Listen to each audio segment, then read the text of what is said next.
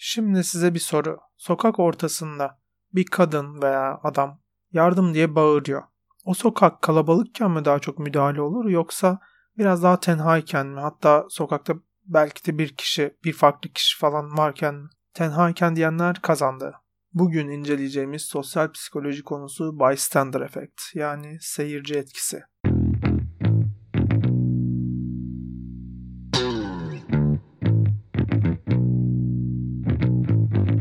Selamlar herkese. Gereksiz Ciddiyet'in 8. bölümüne hoş geldiniz. Samet ben.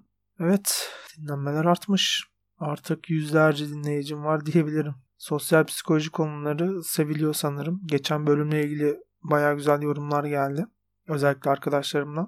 Devam edelim bir bölüm daha çekelim sosyal psikoloji. Şimdi nedir bu bystander effect? Türkçe adıyla seyirci etkisi. Önce bir tanımlama yapayım kısaca. İnsanların kalabalık ortamlarda nasıl olsa başkası yapar mantığıyla olaylara daha az müdahil olması durumu diyebiliriz. Genovese sendromu da deniyor bu duruma veya sorumluluğun yayılması da deniyor. Mesela birine araba çarptı ve kaçtı diyelim yolda. Etraftaki tek insan sizseniz hemen yardım edip polisi ambulansı arama ihtimaliniz kalabalık bir caddede aynı kaza yaşandığında arama ihtimalinizden daha fazla. Yani istatistiksel olarak fazla biricik birey olarak e, düşünmemek lazım. İstisna durumlar olur her zaman. Çok ilginç ve mantıklı gelmişti bana bu fenomen ilk duyuşumda. Üniversitenin başlarıydı 2-3 yıl kadar önce sanırım. Bir örnek var hoca onu anlatmıştı. İngilizcem çok iyi olmadığını acaba ben mi yanlış anlıyorum şüphesine düşmüştüm. Çünkü kalabalık olsa daha cesaretli olunmaz mı aslında diye e, akıl yürütmüştüm kendi kendime. Meğer öyle değilmiş. Yani cesaretle pek ilgisi yok tabi seyirci etkisinin. Aynı örneği okuyayım şimdi size. Zaten bayağı ünlüdür bu vaka. Denk gelmiş olma ihtimaliniz var. Kitty Genovese 60'lı yıllarda New York'ta yaşamış İtalyan asıllı bir Amerikalı. 14 Mart 1964 e, günü sabaha karşı saat 3'te arabasını park edip evine doğru yürüyor. Yürürken bir adam tarafından sırtından bıçaklanıyor. Genovese'in çığlıklarını duyan bir komşu pencereden kızı rahat bırak diye bağırıyor. O bağırınca adam koşarak uzaklaşıyor. Sonrasında kimse polisi aramıyor veya kadına yardım etmiyor. Bu durumu fark eden adam da 10 dakika sonra geri dönüp Genovese'i buluyor ve tekrar tekrar bıçaklıyor. Olayı 38 kişi görüyor. Bu olayı gören 38 kişiden sadece bir tanesi polisi arıyor. O da katil 3. defa dönüp e, tamamen kadını öldürdükten sonra. Bütün bunlar yarım saat içinde oluyor ve bu süre boyunca Genovese sürekli bağırarak yardım istiyor. Görgü tanıkları ifadelerinde başka birisi aramıştır diye polis aramadıklarını ve olaya karışmak istemediklerini söylemişler. Bu olayın ardından Amerika'da yer yerinden oynamış o dönemde. Medyada haftalarca bu olay tartışılmış. Sosyal psikologlar falan bu duruma kite efekt adını vermişler o dönem. Yani bu sosyal e, psikoloji fenomeninin bu durumun çıkışı daha doğrusu keşfi o 1964'teki bu olaydan sonra oluyor. Psikologlar, sosyal psikologlar bu şekilde isimlendiriyor.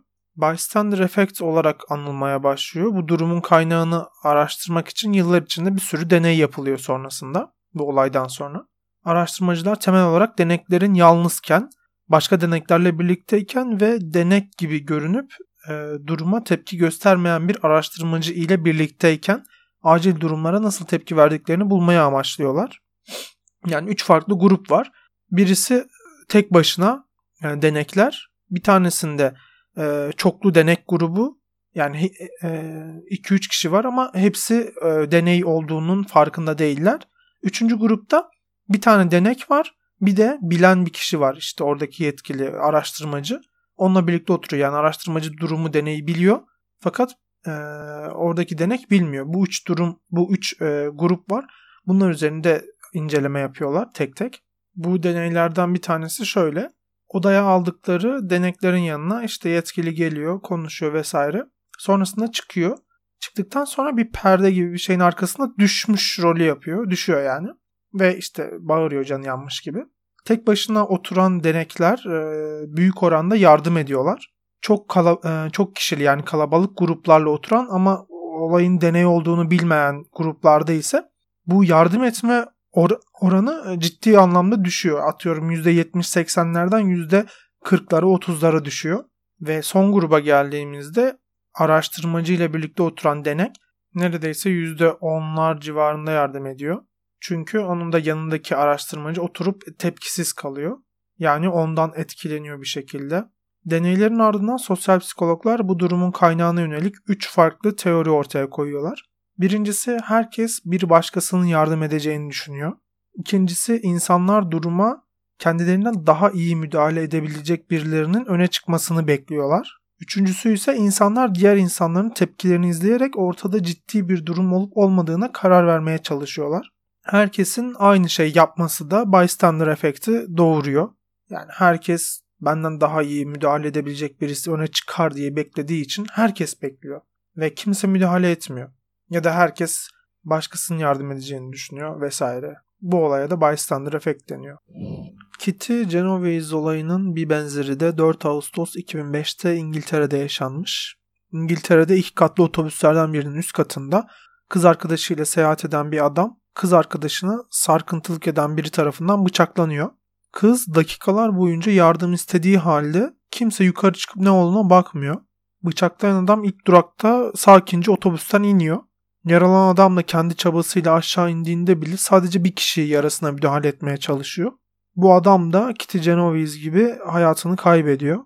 Etrafımızda bu tip çok olay oluyor aslında biz farkında bile olmadan. Birileri kavga ediyor mesela kalabalık bir yerdeyse herkes yanlarından geçip gidiyor. Birkaç kere hatta ben de yaşadım buna benzer olaylar. Yani bendeki durumda kimse ölmedi ama ölebilirdi de bilemeyiz. Hatta onu da anlatayım. Benim Ankara'daki evim Cebeci'de. Hemen yanımızda da karakol vardı.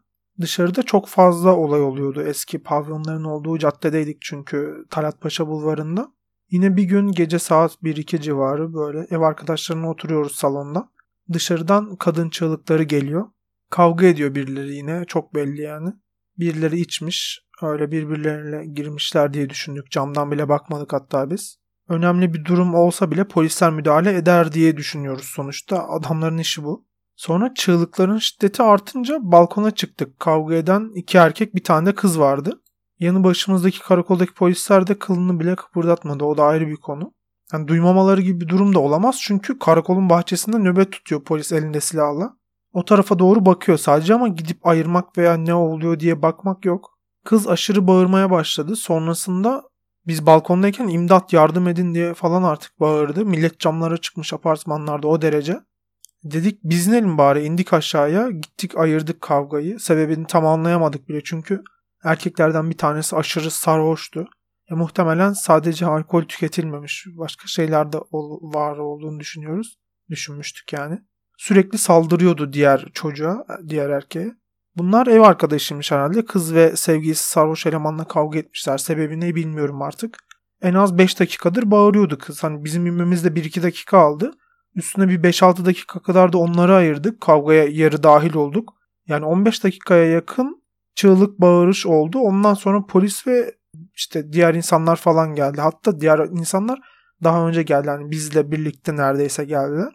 Biz indik aşağıya. Onlar da birkaç dakika içinde inmişti diğerleri. Polis onlardan da 2-3 dakika sonra geldi. Onun öncesinde de işte bizim gelmemiz de 7-8 dakika aldı herhalde.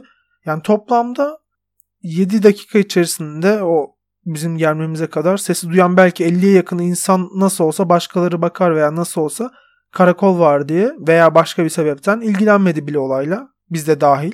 Orada birinin öldüğünü düşünün o süre içinde. Ne kadar acı. İlk dakikadan müdahale edilse kimse ölmeyecek ama seyirci etkisi yüzünden yani bu bystander effect e, yüzünden orada bir insan hiç suçu yokken belki de öldürülecekti.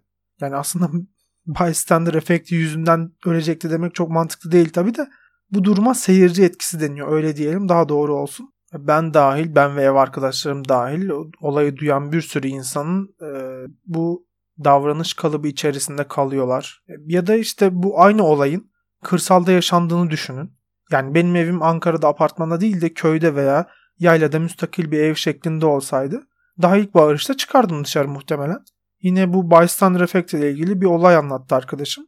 Adana'da bunların köyünde elektrikler gidiyormuş bazen. Yağmurda fırtınada direkt devriliyormuş veya başka bir durum her neyse. Kimse elektrik şirketini arayıp durumu bildirmiyormuş. Nasıl olsa birisi arayıp söylemiştir diye. 8-10 saat fazladan elektriksiz kalındığı oluyormuş bildirmedeki bu gecikmeler yüzünden.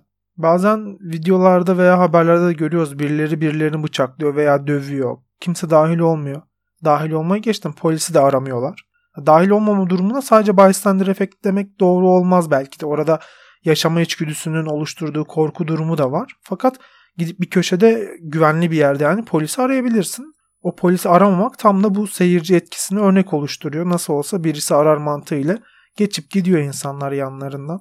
Bu etkiye düşmemek lazım aslında. Ne olursa olsun etrafımızda olan olaylara kendimizi riske atmadan müdahale etmeliyiz.